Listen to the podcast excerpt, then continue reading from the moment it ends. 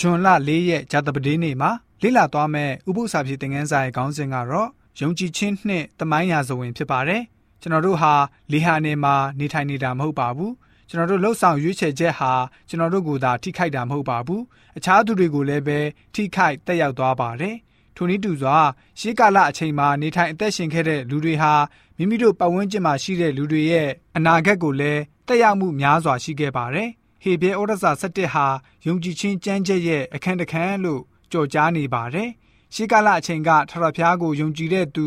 သူရဲကောင်းများစွာကိုကျွန်တော်တို့သိပြီးသားဖြစ်ပါတယ်။ဟေဘဲဩရစာခန်းကြီး7ငွေ1ကနေ40ကိုဖတ်ကြည့်လိုက်မယ်ဆိုလို့ရှိရင်ရှေးခေတ်ကာလယုံကြည်ခြင်းသူရဲကောင်းတွေအကြောင်းကိုတွေ့ရမှာပဲဖြစ်ပါတယ်။အေနောက်နောအေအာဗြဟံဆာရာ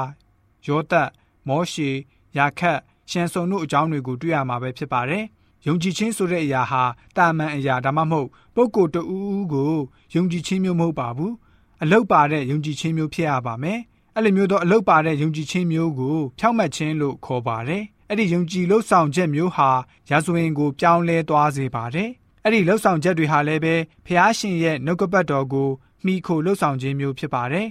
နောအေဟာယုံကြည်ပြီးတော့တင်မောတိဆောက်ခြင်းအဖြစ်အလုတ်ကိုပြသခဲ့ပါတယ် ကြုံတွေ့ခဲ့ရသမျှအကြောင်းကိုနှုတ်ကပတ်တော်နဲ့ရှင်ပြီးတော့ယုံကြည်ကိုးစားမှုပြုခဲ့ပါတယ်။မိုးတစ်ချိန်တစ်ခါမှမရွာဘူးသေးတဲ့ကာလမှာရေလွှမ်းမိုးမယ်ဆိုတဲ့အကြောင်းဟာလုံးဝယုံကြည်စရာမရှိပါဘူး။အတိတ်ပဲမဲ့လှပါတယ်။သို့တော့နောအေးဟာထထဖျားရဲ့စကားတော်ကိုနာခံခဲ့ပါတယ်။လူသားမျိုးဆက်ဆက်လက်ရည်တည်နိုင်ခဲ့ပါတယ်။အာဗြဟံလို့ခေါ်တဲ့အာဗြံမက်ဆိုပိုတေးမီးယားမီတိုပိုတာမီတောင်ပိုင်းဥရရက်ကိုစွန့်ခွာထွက်သွားခဲ့ပါတယ်။ အဲ့ဒီအချိန်အဲ့ဒီအခါကဥရမျိုးဟာအလွန်မပင်စီကားပြီးတော့အကြီးဆုံးမျိုးလို့သတ်မှတ်ကြပါတယ်။ကမ္ဘာပေါ်မှာရှိတဲ့အကြီးဆုံးအစီကားဆုံးမျိုးကိုခြံထားပြီးအာဗြဟံဟာထွက်သွားခဲ့ပါတယ်။ဖျားရှင်ဘယ်လိုမျိုးပို့ဆောင်မယ်ဆိုတာကိုကြိုတင်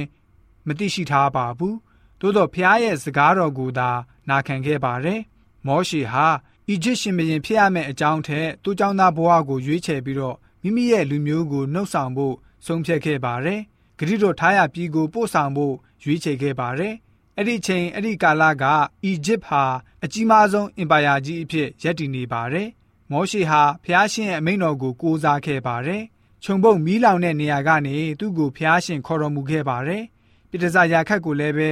ဖျားရှင်ရဲ့ကယ်တင်တော်မူခြင်းကိုယုံကြည်ကိုးစားတဲ့သူဖြစ်ပါတယ်။တချို့နှစ်ဦးကိုဝှက်ထားပေးခဲ့ပါတယ်။ယေရှုရှင်ရဲ့စင်သက်လာယာမျိုးဆက်အဖြစ်အခွင့်အရေးရရှိခဲ့ပါတယ်။ ကျွန်တော်တို့ဟာစည်ရင်မဝင်တဲ့သူဖြစ်နေပါစေကျွန်တော်တို့ရဲ့ယုံကြည်ချက်ကလေးတစ်ခုဟာမရေမတွက်နိုင်တဲ့သူနဲ့နောင်လာမဲ့မျိုးဆက်များစွာအတွက်တက်ရောက်မှုဖြစ်စေပါတယ်ဆိုပြီးတော့ယုံကြည်ခြင်းနဲ့တမိုင်းရာဇဝင်အကြောင်းနဲ့ပတ်သက်ပြီးတော့ဂျာတပဒင်းနဲ့ဥပု္ပ္ပစာပြေသင်ခန်းစာကဖော်ပြပေးထားပါတယ်။